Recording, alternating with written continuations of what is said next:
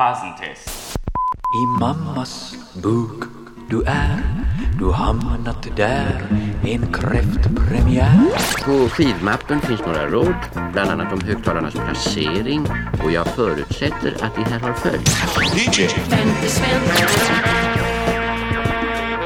Om man gillar sin hiphop rökig och knastrande, För att den här testskivan ska fungera på rätt sätt. Garnerad med jazziga ackord och dissonanser, måste din egen skivspelare vara riktigt justerad. späckad med sliriga samplingar från Akais MPC-maskiner Varje pickup och kanske också med några scratch-piruetter på den lilla Technics-grammofonen. har nämligen ett högsta tillåtet nåltryck. Och alltid med en kosmisk rännstensfeeling. Spårningen tar vi först. Då är chansen ganska stor att man gillar Bjarne B. Och att ni nu är beredd att utföra en grundläggande kontroll. Och Bjarne, när man headnoddar sig mot hjärnskakning till dina beats, då finns det en grej som man hör väldigt tydligt. Vet du vad det är? Vad kan det vara? Jag tycker man hör att du är en sån här jävla loppisgrävare. Ja, jag vet, förlåt. Att det är där du... jag- Jag vet inte, det, det är där du hittar mycket av ammunitionen till det du samplar eller scratchar eller vad du gör med grejerna helt enkelt. Jag gillar att köpa skiv, billiga skivor helt enkelt. Eh, då mycket dåliga skivor blir det man köper. Det, det finns alltid någonting att sampla liksom. Men är det så? Finns det alltid någonting att sampla? Ja, alltså det är, bara, det är bara din fantasi som är i vägen. Ja. Alltså jag letar inte direkt efter skivor att sampla egentligen, utan jag letar efter eh, sköna skivor typ. Eh, och sen så finns det alltid något på någon att sampla, så då, då gör man det liksom. Så jobbar jag. Okej Bjarne, du är producent, du är DJ, du är beatkonstruktör. Du är säkert många andra saker. Men välkommen till DJ 50 spänn. Tack. Kan inte du bara hinta lite om vad, det är för skatter du har i din säck? Det är ganska bra blandning liksom. Jag skulle säga att det är en våldsam blandning nästan. Ja, alltså det, är ju inte, det hade ju varit typ tråkigt om jag, jag vet inte, bara hade liksom tagit några soulplattor liksom. Men lite soul kommer vi få väl? Ja, Någon slags- det kan hända. Vänsterprasslar soul, tror jag. Ja, Ish. kan ligga något i det. Men vi kan säga det är Finland, Frankrike, USA, Sverige eh, och sen har vi en till svensk, lite international. Mm. Någon slags businessvärldsplatta kanske. Ja, precis. Du släpper ju låtar och producerar mest hela tiden tycker jag det verkar som. Men förra året så tror jag att du klämde ur dig två fullängder också, eller hur? Jag tänker på den här Jazz Addict volym 1, tror jag den heter. Den kommer väl i år tror jag. Ja, det kanske den gjorde. Eh, En, en instrumentalplatta kan man säga. Det är någon typ av beats. Och 2021 så kom också lite mer kosmiska, lite mer ufo-mässiga rap-albumet Bebop. Där OP är liksom rappare större delen av tiden tror jag.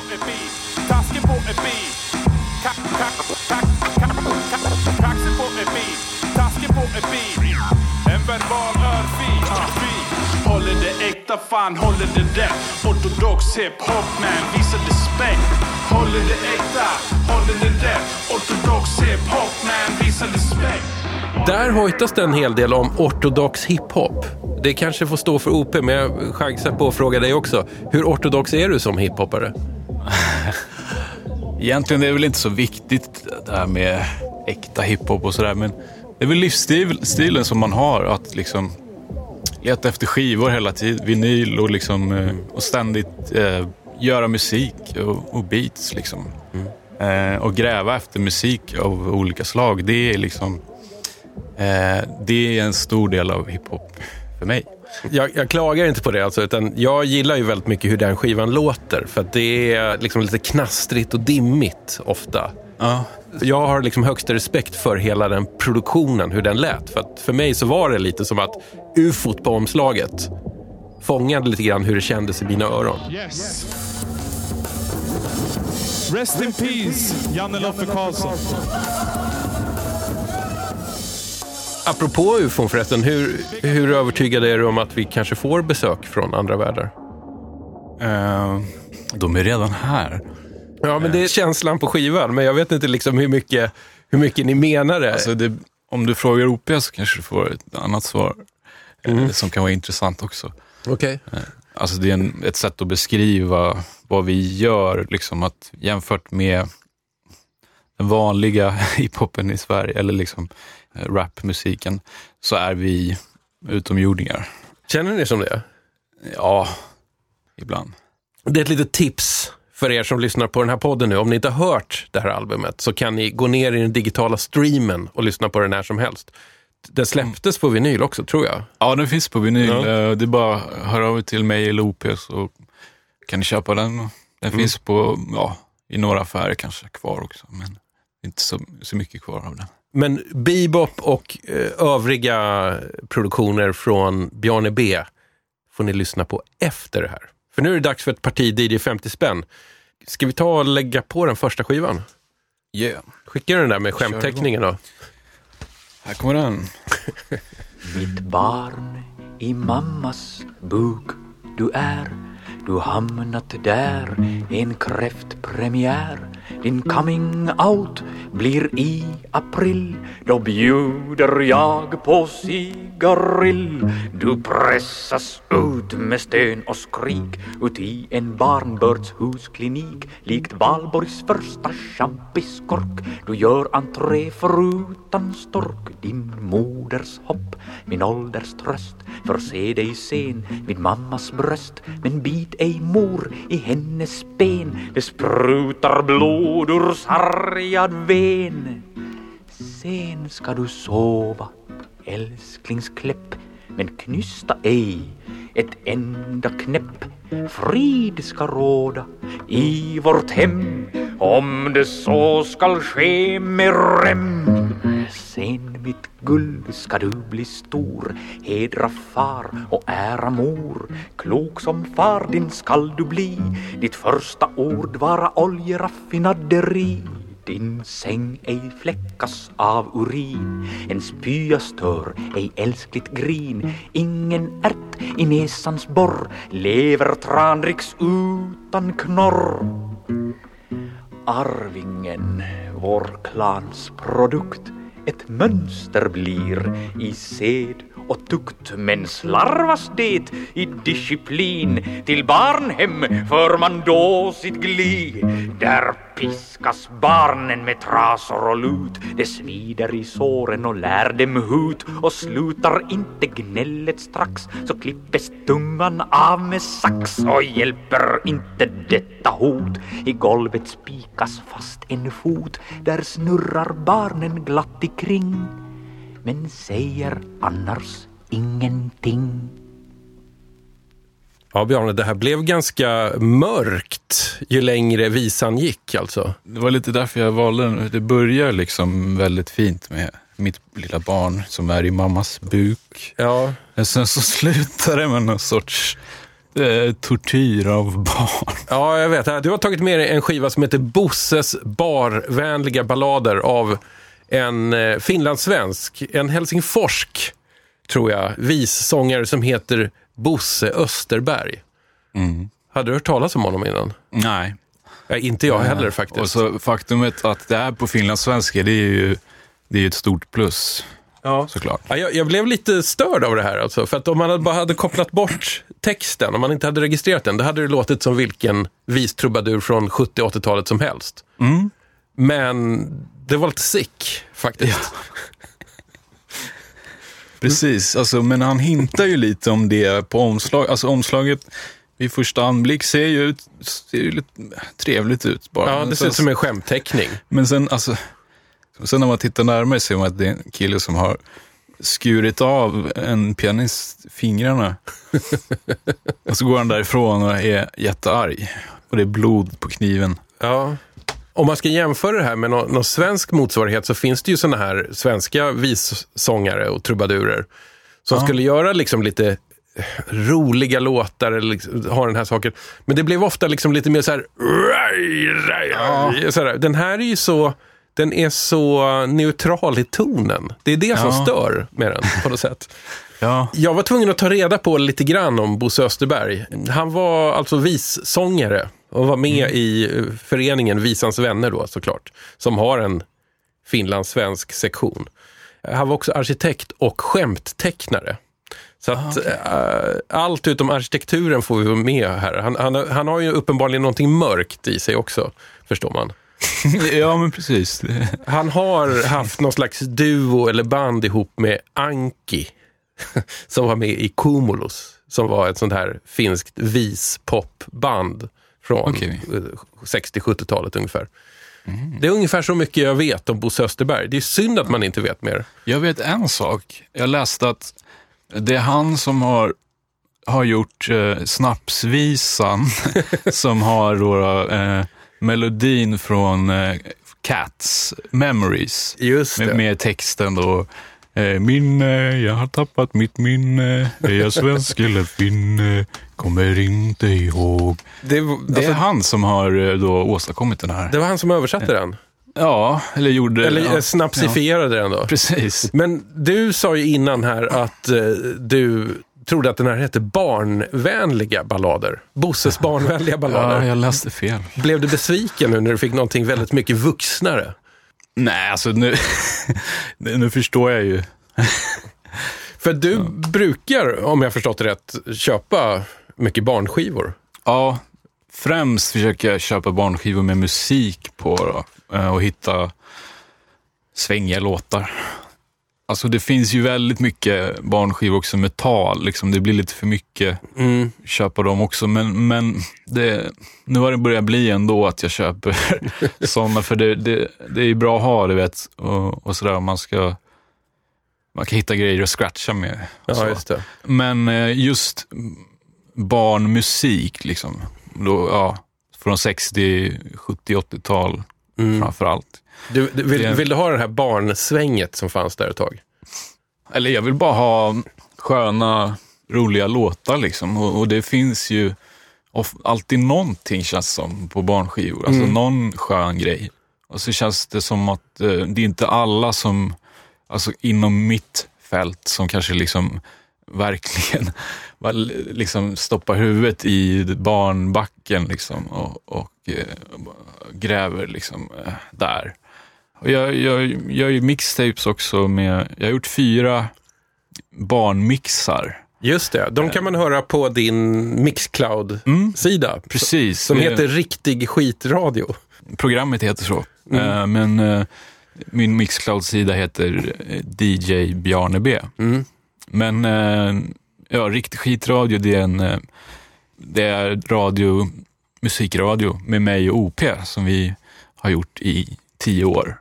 I början gjorde vi det lite eh, oftare. Varje söndag var, var i början. Ja, ja. Eh, och, och, ja, vi Var- spelar bara vinylskivor och, och hänger typ. Mm. Och nu kommer det ett avsnitt då och då. Mm. Eh, ibland är det tema, ibland är det inte tema, ibland är det en gäst som spelar skivor. Mm. Ibland är det förberett, ibland är det inte förberett. Ja. Eh, men det är alltid riktig skit som spelas, helt Ja. enkelt. Real shit. Jag kan rekommendera det. Så det är ännu ett tips för er som lyssnar att efter DJ 50 spänn, efter att ni är klara med det här, så får ni lyssna på riktig skitradio. Det finns ganska mycket knasiga grejer. Ni gjorde en sån här skev sommar Ja, just det. här Morris, som var så jävla bra tror jag. Tillsammans med, med eh, Swedish Sounds. Just det. Mm. Olof Karlstrand. Kommer du få användning för Bosses barvänliga ballader tror du? Jag vet inte. Nej, alltså. Det skulle väl vara, det är, inte- det är ju bara liksom gitarr eller vad, luta eller vad fan det är. Det är gitarr tror jag. Men det skulle väl vara om man kanske säger någonting helt sjukt. Mm. Annars eh, är den ganska rolig att lyssna på. Jag vet inte, jag gillade hans style på något sätt. Och så- också liksom finlandssvenskan gör ju Ja, han ser ju otroligt roligt. prydlig ut också. Han ser inte ut som Cornelis eller Bengt Sänd. men Utan han- han ser, han ser faktiskt ut som att han ska predika i Pingstkyrkan. Ja, Nej, förlåt. Han ser ut som att han ska eh, predika i, på en kyrka i Missionsförbundet. Så städad ser han ut. ja. Var, var gick du och grävde skivor någonstans? Vågar man fråga det? Ja, jag kan avslöja det. Eh, Jag satte mig på Roslagsbanan, eh, åkte till Vallentuna och så gick in på Röda Korset eh, där. För där kostar det fortfarande 10 kronor Så jag följde reglerna Ja, det för den här fint. tävlingen faktiskt. Eh, Det är fint jag. att du ser det som en tävling. Tävling? Oh shit. Oh, nu avslöjar jag mig. Hela. Eh, God bless Vallentuna förresten för att hålla kvar vid den ursprungliga, klassiska loppisprissättningen 10 kronor. The price is right, så att säga. men är det inte så på rö- alla Röda Korset? Jo, det kanske är så faktiskt. Men det är alltså här i Stockholmsområdet. Om man får gnälla lite så eh, märker man ju att det är lite, priserna är på väg att stiga lite överallt. Det är oroväckande. Du, eh, den där nästa skivan som ligger där under. Ja, Det här är ju den jag tror, det är den här som jag känner är det största mysteriet av dem alla. Mm. Ska vi lyssna lite och se vi, om vi blir något klokare? ja, spänn fast säkerhetsbältena säger jag. Nu bär det av till eh, Frankfurt City. Guten Morgen, Frankfurt. Ein strahlender Tag liegt vor uns. Draußen sind es 23 Grad und auf dem Plattenteller dreht sich eine neue Scheibe mit einem Lied über Frankfurt und den BFG Wolkenkratzer, der übrigens an ein schwedisches Unternehmen verkauft wurde. Tja, wer hätte das gedacht? So, und jetzt fahren wir den Song ab.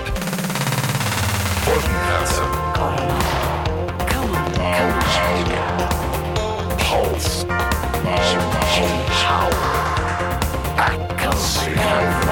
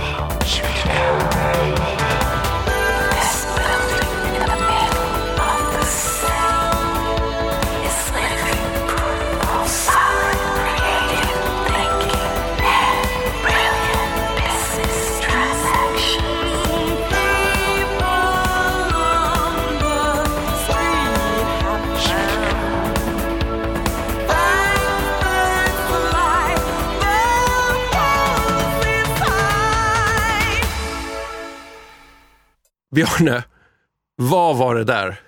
Det var mycket fart och fläkt. Ja, det var det verkligen. Rising High Soundtrack. En LP i ganska påkostat gatefold-omslag från 1989 eller 1990 som du alltså, har hittat någonstans i yttre Vallentuna.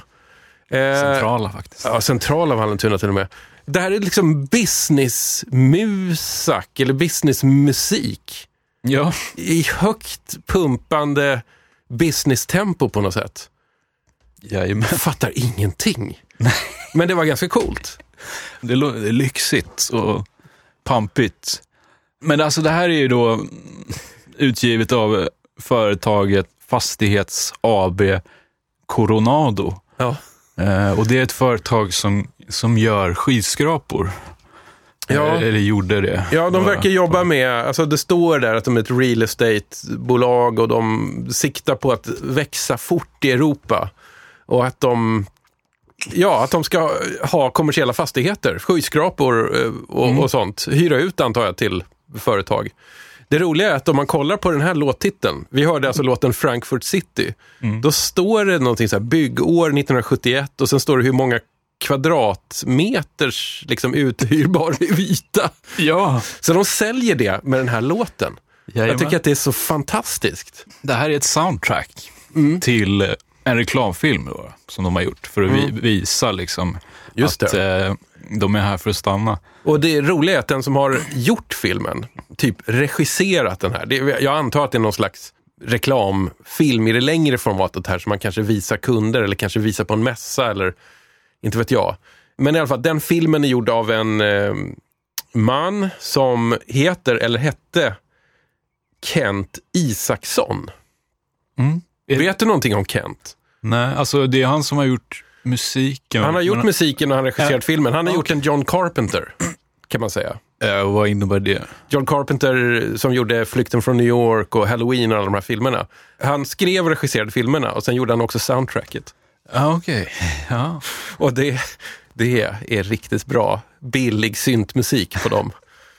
Men tycker du att musiken fångar liksom den här skyskrapekänslan? Jag tycker det fångar den otroligt bra. Den har ju mycket, alltså den, i början har du det där, de pratar på tyska, jag vet inte, det låter som att, jag vet inte, nu, nu kör vi på autobahn till Frankfurt eller någonting. Eh, och sen så kommer det in lite så här uh, robotröstaktiga röster då och då. Det ska fånga liksom den tyska effektiviteten kanske, hoppas vi. Och lite coola så här, ljudeffekter och det är bara maffigt, maffigt och baffligt. Ja, Och, vilket superfynd! Kul. Jag blev ju nyfiken, jag försökte ta reda på någonting om Kent Isaksson. Det var inte lätt, ska jag säga.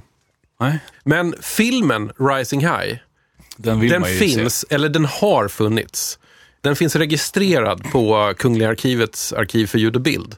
Tyvärr har de inte en kopia av den. Men vi, vi vet att den är gjord och registrerad, men kopian har försvunnit eller aldrig skickats in. Och där står Kent Isaksson då listad som den som har producerat filmen och tydligen då också soundtracket. Så kudos Okej. Kent. Han har gjort några fler filmer också. Ehm, till exempel har han gjort en reklamfilm för Husqvarna som demonstrerar hur himla bra Husqvarna 1100 Viking-modellen är. Det är alltså en symaskin. Ja, okej. Sen har han gjort lite sådana här informationsfilmer som handlar om eh, att eh, med hjälp av eh, rörelse och idrott hjälpa barn i sär, särskolan. Till Ja, exempel. Där upphör spåren. Får jag bara fråga, han, de här andra filmerna som du säger att han har gjort, vad är det för produktionsår på dem? Eh, det är 80 och 90-tal. Okej. Mm. Det- Så ja. det verkar ha varit hans tid. Man vill ju höra musiken också i de filmerna. Det hittade jag inte. Det fanns inte registrerat att det fanns liksom utgiven skiva i alla fall. Håller resten av det här eh, fantastiska albumet samma klass? Ja, alltså det är ju... Finns det något mer riktigt härligt det, spår? är, det är samma style liksom, men det här, jag tyckte att den här var mest eh, crazy liksom och, och så här hade ett drivit beat och sådär. De skri- det står ju också här att liksom, de är ju ett stort internationellt företag och det har hö- stora ambitioner. Och liksom, de vill nå ut till folk i olika länder och sådär. Så därför så hade de inget, inget prat i filmer utan de valde att ha musik av eh, Kent istället. Alltså, Va, vadå, är det, inget, är det ingen, inget prat i filmen utan bara musik? Nej, de valde det eftersom att för, för att nå ut. Liksom. Det skulle vara lättare att förmedla, för, förmedla budskapet då. Förresten, när hörde du senast talas om fastighetsbolaget Coronado? Det är första gången. Första och sista.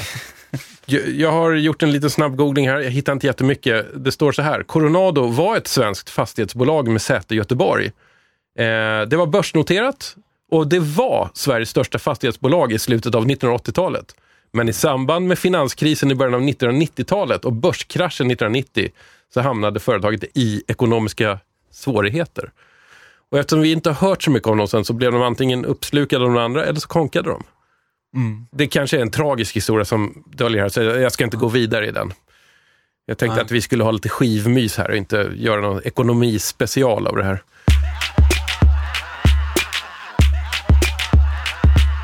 Apropå lite oväntade vinylfynd. Jag hittade alltså vinylen till sjukstugans rap på svenska. Osprättad, alltså still in shrink. Eh, för ett tag sedan. Och jag kunde nappa åt med den helt gratis. Jag säger vad fan som helst, det låter ändå bra som zigzag, zagazoo, zagazoo, za. Jag säger vad fan som helst, det låter ändå bra Jag säger vad fan som helst, det låter ändå bra Jag säger vad fan som helst, det låter ändå bra Jag vet inte om du kommer gilla att höra det här. Ska jag berätta? Nej, men jag eh, anar. eh, Det är, helt- det är helt okej att berätta. Det här var för några år sedan. Jag jobbade inne i Radiohuset, Sveriges Radio, som konsult. Och då upptäckte jag en dag att om man gick förbi rätt korridor på rätt dag, då hade alltså grammofonarkivet ibland rensat ut lite och ställt i en låda där bara var att ta. Och vanligtvis så låg det drivor av finskspråkiga CD-skivor, svensk musikhögskolejazz på CD. Lite så här privatpressat på CD. Och det kunde vara lite roligt att bara ta så här för folk har skickat in på chansning. Väldigt sällan vinyl, men en dag så stod där då rap på svenska och, håll i er nu, en rävjunk-singel. Och jag bara så här, den här nya svenska hiphop-plattan, dubbelvinyl är det va? Ja. Den var, den var fortfarande in shrink. Jag bara, den, den tar jag. Men jag, då, sen undrade jag, så här, vad har grammofonarkivet egentligen emot sjukstugan? undrar jag. Men alltså, ja, man kan ju tänka sig att det kanske är, mm, alltså de rensar ut dubbletter och sådär. Ja, säkert. skulle jag tro. De kanske redan hade den digitalt och kände att det finns ingen vinst med att ha den här på eh, skiva. Mm. Alltså, men sen är det ju sådär, jag vet inte. Det, det var ju Sony Music då som pressade upp vinylen. Alltså, det var ju, labeln var ju Baba Recordings. Det, har den labeln någonting med Petter att göra? Ja, precis. Det var han, Är det liksom han- hans label? Mm. Det är hans label med och DJ Sleepy och ett par till. Eh, men jag vet inte om den finns kvar, men ehm, Ja men Sony press, jag vet inte hur många som gjordes. Sen, jag vet inte vad som, det har ju hänt någonting med de här skivorna sen. Ja. För de har liksom dykt upp på Discogs i England, har det dykt upp Ja, så här, 10x eh, Mhm. i mint. Eh, jag köpte några av dem en gång, så här, bara för de, de kostade typ 70 spänn. Mm. Eh, för att sälja dem liksom i Sverige till folk som, Ja. som, gill, som till behövande. Liksom. Så du köpte dina egna skivor för att kunna sälja dem till behövande hiphop-fans i Sverige? Ja, som kanske inte liksom har Discogs och har koll på hur man hittar. Liksom. Alltså, det, det kanske var helt enkelt en låda på vift. På Ja. Så de finns där ute Ja. någonstans.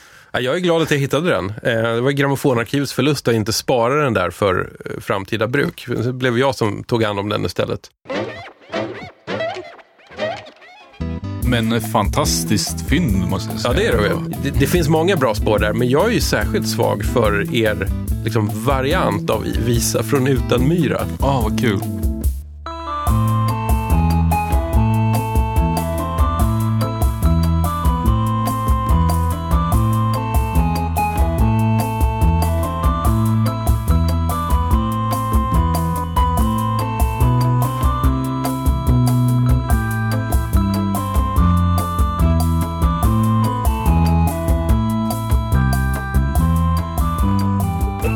Som är lite så här autokomp-aktig.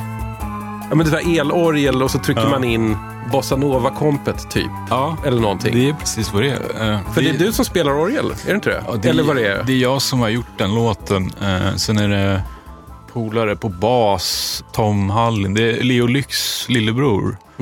Som har, han har varit med i det här programmet. Ja, Leo Lyx har varit med, precis. Ja, men det är precis som du säger. Det, det är liksom eh, bitet från min, eh, min orgel, min Yamaha-orgel. Ja. Tanken var li, du vet, en liten så här merit-grej, typ. Jag tycker att den nästan sticker iväg mot något så här nästan sydamerikanskt håll. Ja. Den övergår ju sen i en uh, Samla mammas manna-låt. Som, vad heter den? Folkvisa i morse. Mm, just det. Eh, så ja, det är liksom, blir en liten hyllning till eh, svensk musikhistoria. Ska vi köra nästa skiva förresten?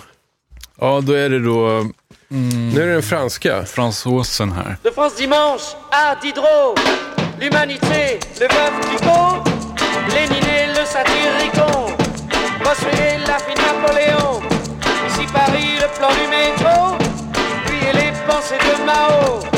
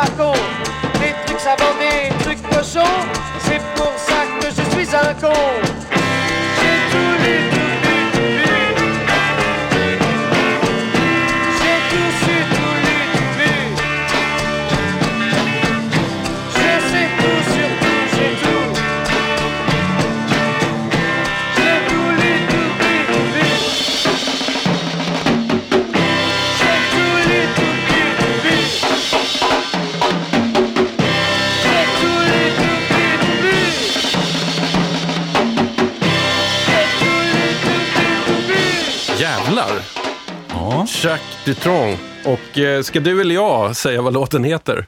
ja, jag har inte det titeln Nej. framför mig. Så det, Alltså, du, det får bli du.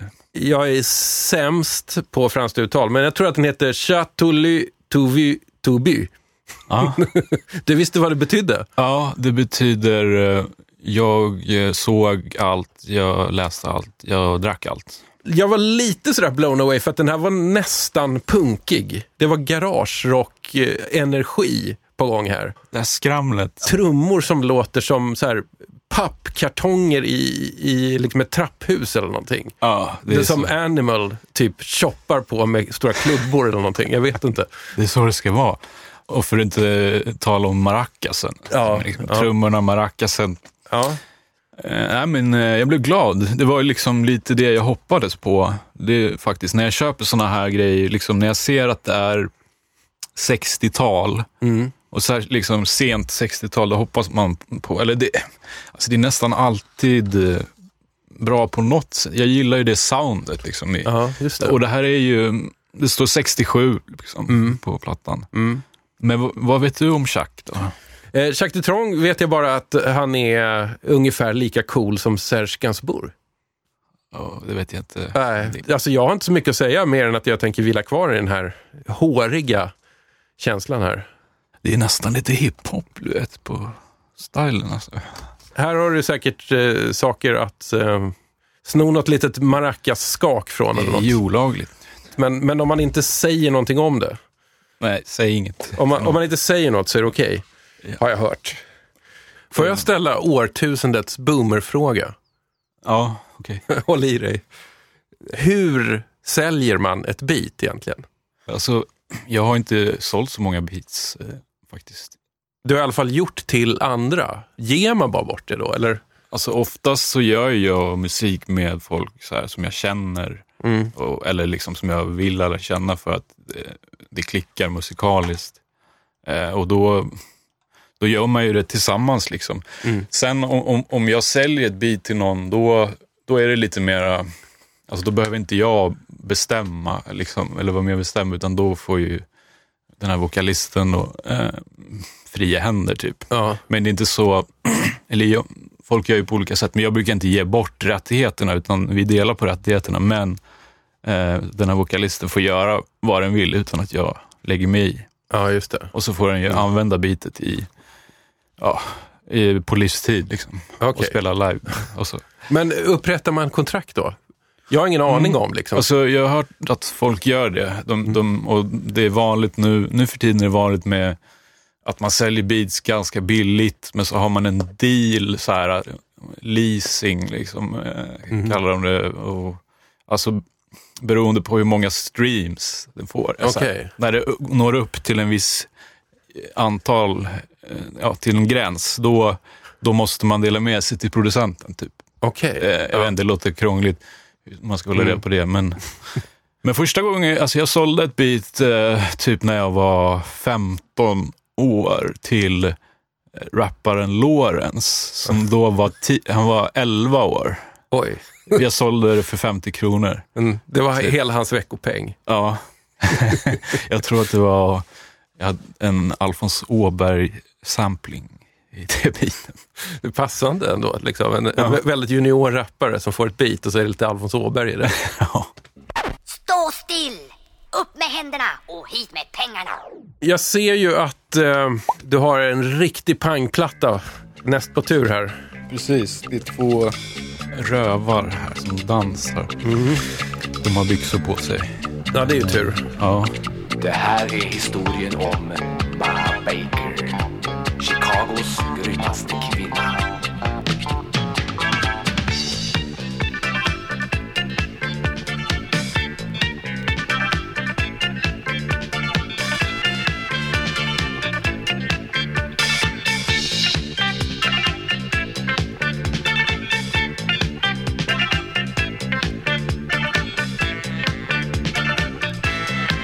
Hon var en stenhård tjej Chicago-gäng. När det var spritförbud Den enda gång hon log, Var när någon lämpligt dog hon var brutal och grym. Och hon var känslolös När det blev prat om mord, Blev hennes man nervös då gav hon sig iväg.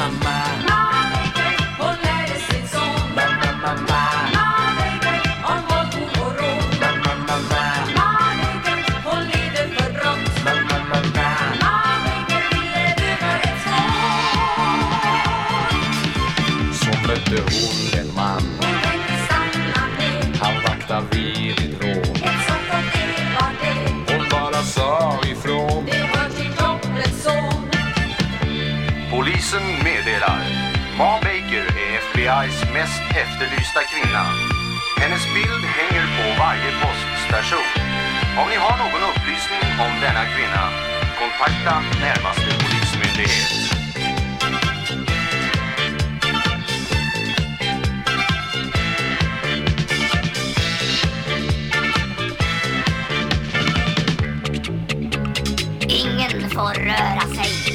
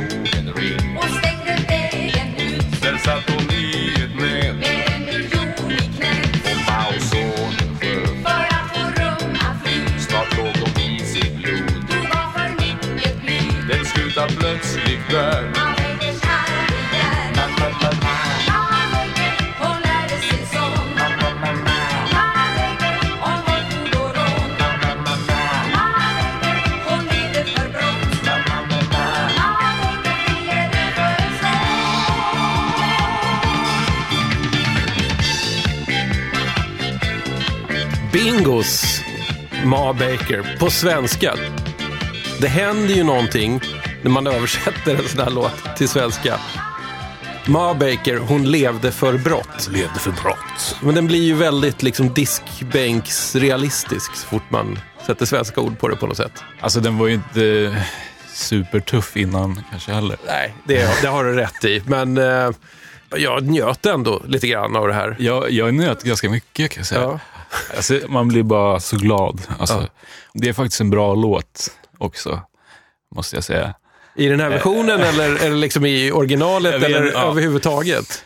Ja, all, alltså det är ju en, det är en tantig låt, men jag vet inte. Jag kanske, nu har jag lyssnat på den så många gånger här de senaste Den har dagarna. ätit så. sig in i ditt huvud. Men det är ju kul med försvenskningar liksom. Med, och, Mm. Det är en eh, så här, outtömlig glädjekälla, skulle jag vilja säga. Och det härliga är att det, det, det tar liksom aldrig slut. Så fort man tror att nu har jag hört alla, då dyker det upp nya. Det Ja. finns alltid något band, eller någon trubadur, eller något dansband, eller någon nu levande artist som har gjort en ny version av en utländsk låt. jag, jag har redan hittat två spanska versioner av den här på YouTube som är fantastiska också. De kan jag rekommendera. Mhm, mm. Alltså, den här låten känner ju folk till från eh, eh, Boney M. B- Boney Ja. M. Det, det är rätt ut ur Frank Farians discofabrik. Precis. På 70-talet. Så heter ju då mannen som eh, producerade det här, som är, ja, de flesta kanske vet Men, eh, historien om det. han producerar och det är han som, som gör den mörka rösten också. Precis. Sen är det ju några tjejer som sjunger, jag tror att de sjunger live. Eller så mimar de och sen har de en kille som mimar och dansar. Men, men den här eh, versionen som vi hörde, den är också rätt ut ur en musikfabrik egentligen. Frank Farian hade sin framgångsrika liksom, discofabrik i Tyskland. Eh, Bingos eh, spelade in då i Karlskoga med Sten och Stanley-folket. Right. Producent Ebbe Nilsson som var liksom mastermindet bakom dels dansbandet Sten och Stanley, vill jag hävda. Men som också drev skivbolag och signade och gav ut en hel del märkliga saker. De har ju till och med gjort syntplattor under namnet Laser. Det finns ju inget namn på vilka som är bingos. Det här är anonyma studiomusiker. Det som står är ju tekniker, Acke Svensson, arrangör Vidar Alsterberg, producent Vidar Alsterberg och Ebbe Nilsson. Det är den här dansbandsfabrikmaffian i Karlskoga egentligen. Som även då, ungefär samtidigt som där, också gjorde Nils Dacke spelar partyorgelplattorna. De har du ju säkert sett någon gång där ute. Ja. Men eh, jag har ju alltid trott att Bingos var ett dansband, men nu börjar jag inse att det är det ju inte alls. Det här är ju ett studioprojekt. Det här är ju ett koncept. För jag tror inte att det någonsin har funnits ett bandfoto på Bingos till exempel. De gav ju ut fler skivor. Eh, Fyra tror jag. Och det står bara bingos Det står bara dem. Bingos och så vad skivan heter och så är det ofta en lättklädd tjej på en strand. På dem. Mm. Då, då, Ja. då köper jag, jag är en simpel Ja. människa, så att jag köper dem. Men vad heter den här skivan i så fall? Eller heter... En, enligt etiketten heter den Bingos 77. För den kom okej. 77. Ja, ja. Men Det står inte på framsidan. nej, det står bara Bingos. Och det är lite eh, cowboyboots och jeansrövar. 16 typ. toppmelodier. ja. Är det covers på de andra plattorna? Jag tror inte de har några originallåtar faktiskt. Jag minns inte, men jag tror inte det. För det är nog ingen originallåt på den här plattan heller. Men eh, vi måste ju gå in lite på historien här med den här låten som de gör cover på. Alltså Ma Baker, Ma Baker. Eh, vad hette han den där tysken? Frank Farian. Frank. Han, eh, han hörde ju en eh, tunisisk låt som heter Sidi Mansour. Aha. Det är en folklåt från början. Men eh, på 70-talet så släpptes det en discoversion av den. Och den hörde han och eh, blev inspirerad och snodde melodin och gjorde Ma Baker.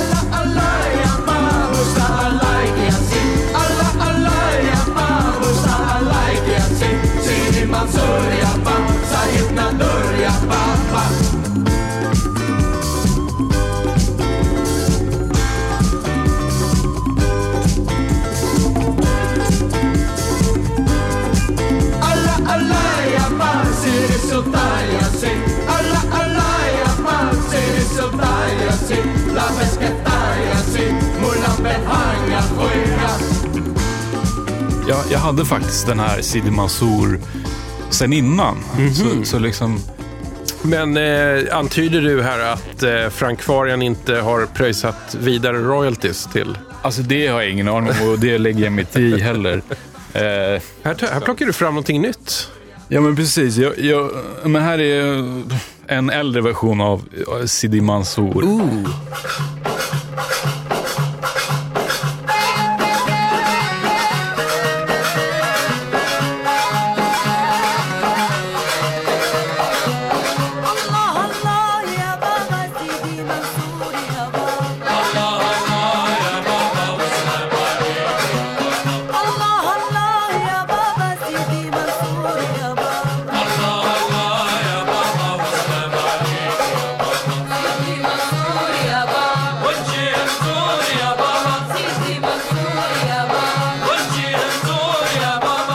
gjordes ju den här eh, discoversionen på 70-talet. Sen kom det en version 2000 som är nog den som är mest känd nu.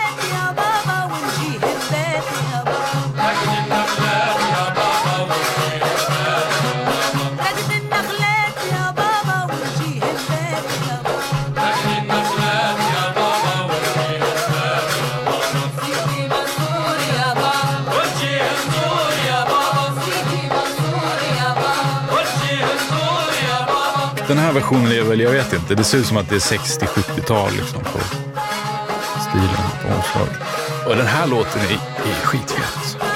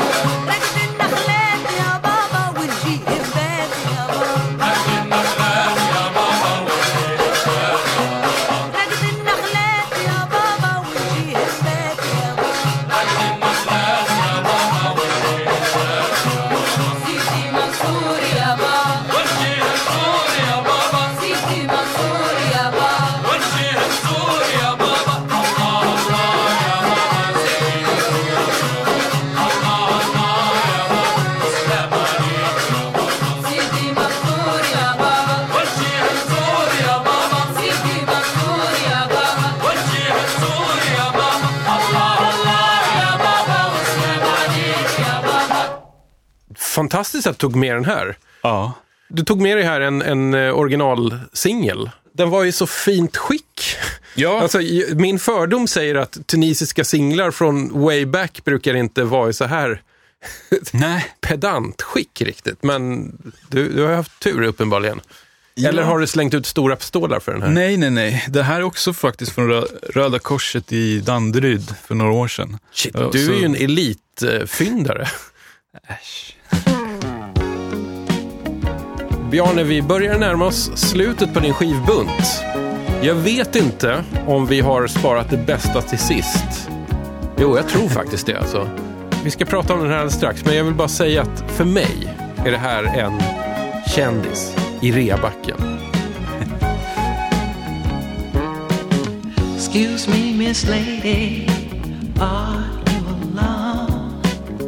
It seems you're the only one my eyes can focus on. Don't mean to come on too strong or too bold, but you're the kind of lady I'd sure love to hold.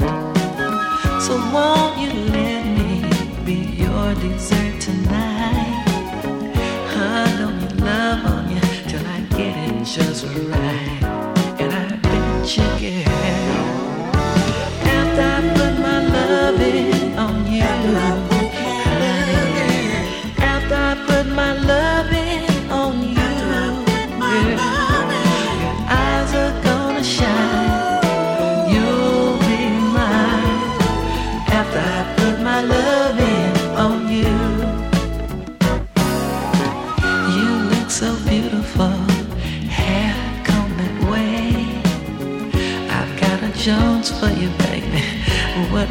can I say?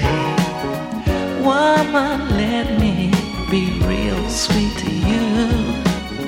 Spend the whole night showing you what I can do. Tomorrow I'll fix you breakfast in bed. Or would you like a little loving instead? And I bet you, girl,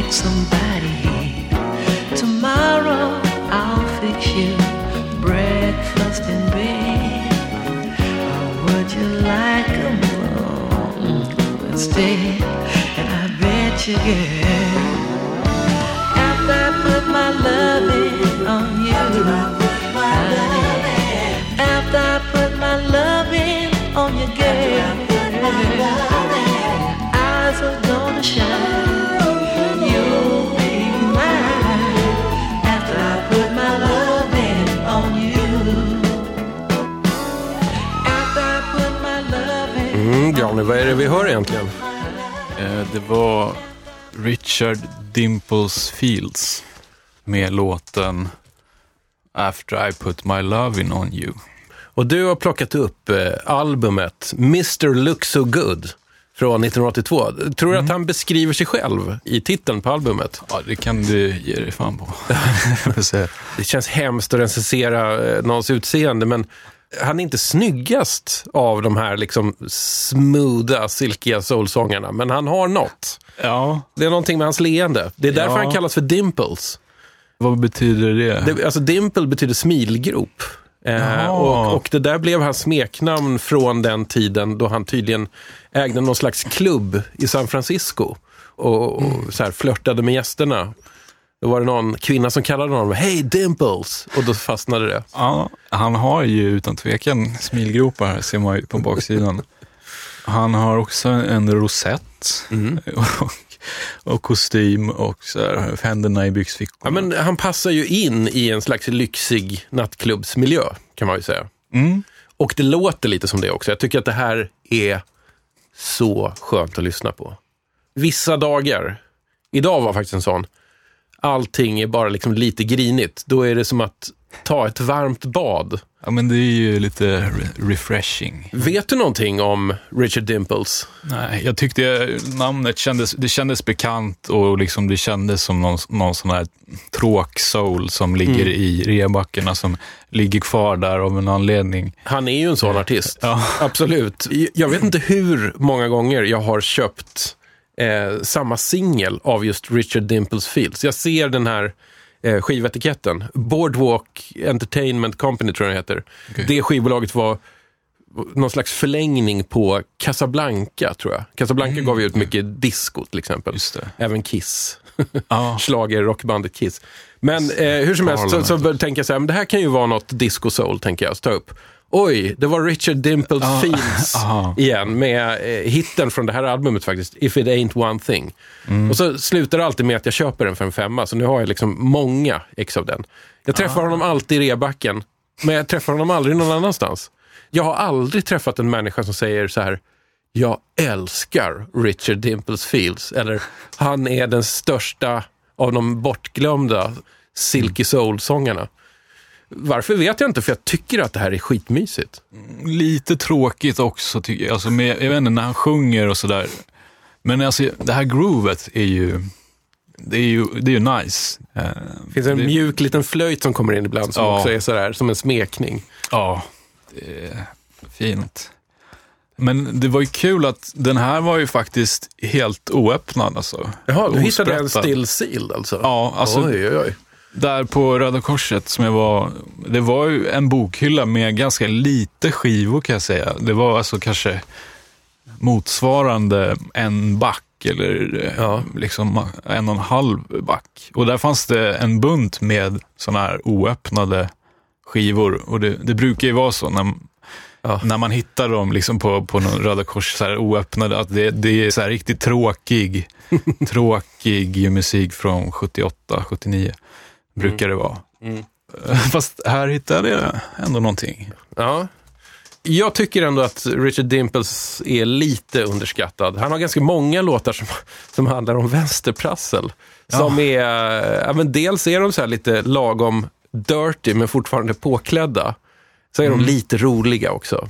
I den här If it ain't one thing. Det är en li- lite här halvhumoristisk låt, men där är det ju någon som han beskriver i sången, en väldigt ful tjej som helt plötsligt hör av sig och säger att hon väntar hans barn. Det finns en annan låt som kom senare, på, på någon senare skiva med Richard Dimples Field som heter She's got papers on me.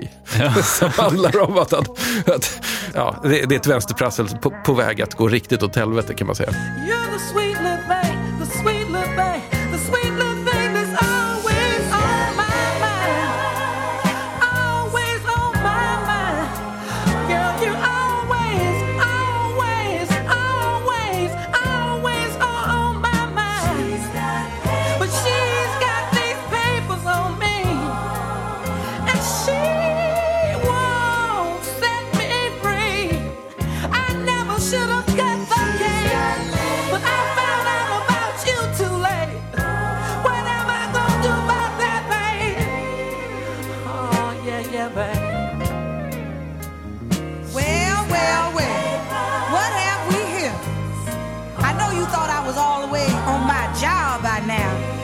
Forgot my sweater and I'm on my way back and I started thinking, this show been acting strangely.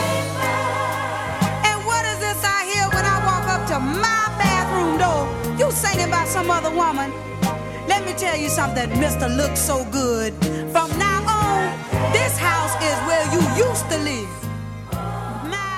Eh, många sådana låtar. Mm. På den här plattan finns det ju någon riktigt sådär, eh, alltså en låt som efter Me Too och i vår lite mer upplysta tid kanske inte hade eh, riktigt funkat. Där det är kvinnor som presenterar sig med sina mått. Bystmått, midjemått, stussmått. Är du med på den här? Ja. Eh, Om man nu kan låta sig underhållas av sånt, det gör jag, eh, och vill ha det här glidiga soundet, då är Richard Dimples, det är en liten rekommendation från mig. En av låtarna på skivan här heter A woman at home and a freak on the side. Ja, men ni hör ju. Eh, Så det är lite hans grej liksom. Och sen här på, på sidan här, eh, av sidan av låttitlarna så finns det en lista här med tio tips. Alltså, Vä- vänta, vänta. Är, är det tio tips från Richard Dimples Fields? Alltså? Ja, det står så här, Mr Looks So Good says... Punkt, punkt, punkt. Ja, vi får nästan ta listan här. Jag vet inte om det är något tips på hur man ska få damerna på fall eller, eller bara så här livsråd eh, liksom. Men eh, ja, nummer ett. Thank whoever it is that opens your eyes each morning. Nummer två. Be careful when you're doing everything, anything and anyone. Det, det känns lite Dimples-aktigt. Ja. Mm, men, men det är också sant. Eh, in love? Frågetecken. No money? Frågetecken. You won't be in love very long. Den var lite krassare. Sen har vi eh, You can't play in the big league with a little league bat. Oj, oj, oj. Mm. Everything leaves a mark. How good is your eraser? Lite metaforer. Ja. Eh, och sen, Men, ja. jag måste bara ta den här också. Det, Det, det är många livsråd här från det, Richard det är Dimples tio budord. Ja. Och sen har vi, sist men inte minst, If you don't see it, you'll step on it. Ja, det var, ja, det var den. Det var den. Och det var den skivbunten också. Alltså varje gång jag eh, letar skivor så hittar jag någonting. Jag har ju märkt att jag har ju anpassat mig lite efter att nu när jag märker att de här eh, skivorna som alla vill ha redan verkar vara utplockade, då har jag börjat styra in på andra genrer.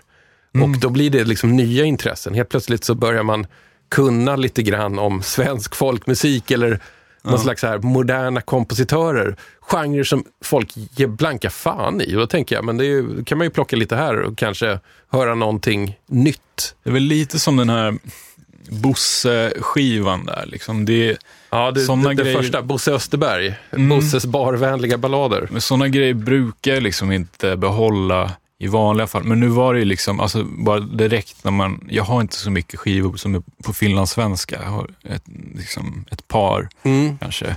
Det fångar ju direkt intresset. Bjarne B. Ja. Vi är klara. Åh nej. Tack för att du var med i DJ 50 spänn.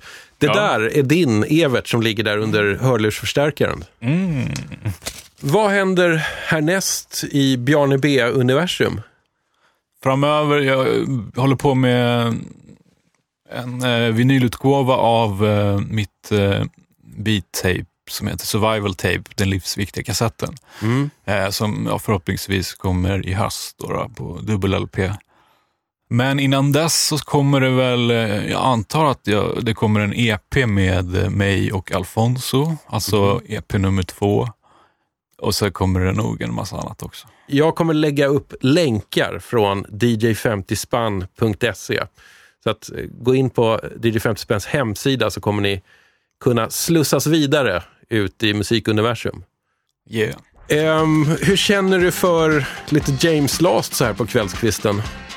Det kan alltid vara trevligt. Det, eller så här, det kan alltid vara hit and miss. Men eh, vi Ja. kollar väl hur det blir här. Det, det stod någonting med samba här, så att vi får se. Ja.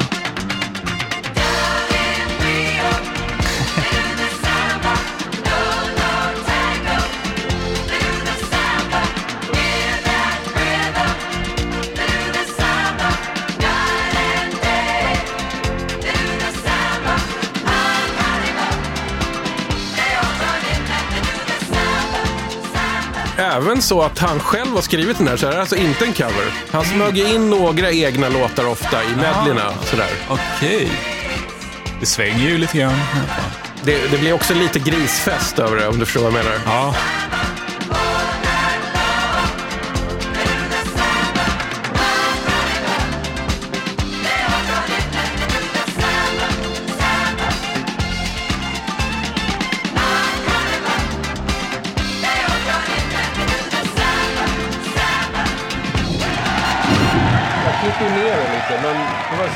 Langade fram den där Sidi Mansour-grejen. Ja. ja, men jag blev så glad över att jag liksom hittade den här Man Baker till det här programmet. Nu kommer en kontroll av spårningen. Och det gör vi med en ren ton. Tonen är svag i början och ökar i styrka undan för undan. Och den ska låta ren och klar hela tiden. Om den mot slutet börjar låta illa skåra till exempel visar det att din pickup spårar dåligt och att du nog skulle behöva en bättre pickup eller tonarm för att inte dina skivor ska slitas onödigt mycket.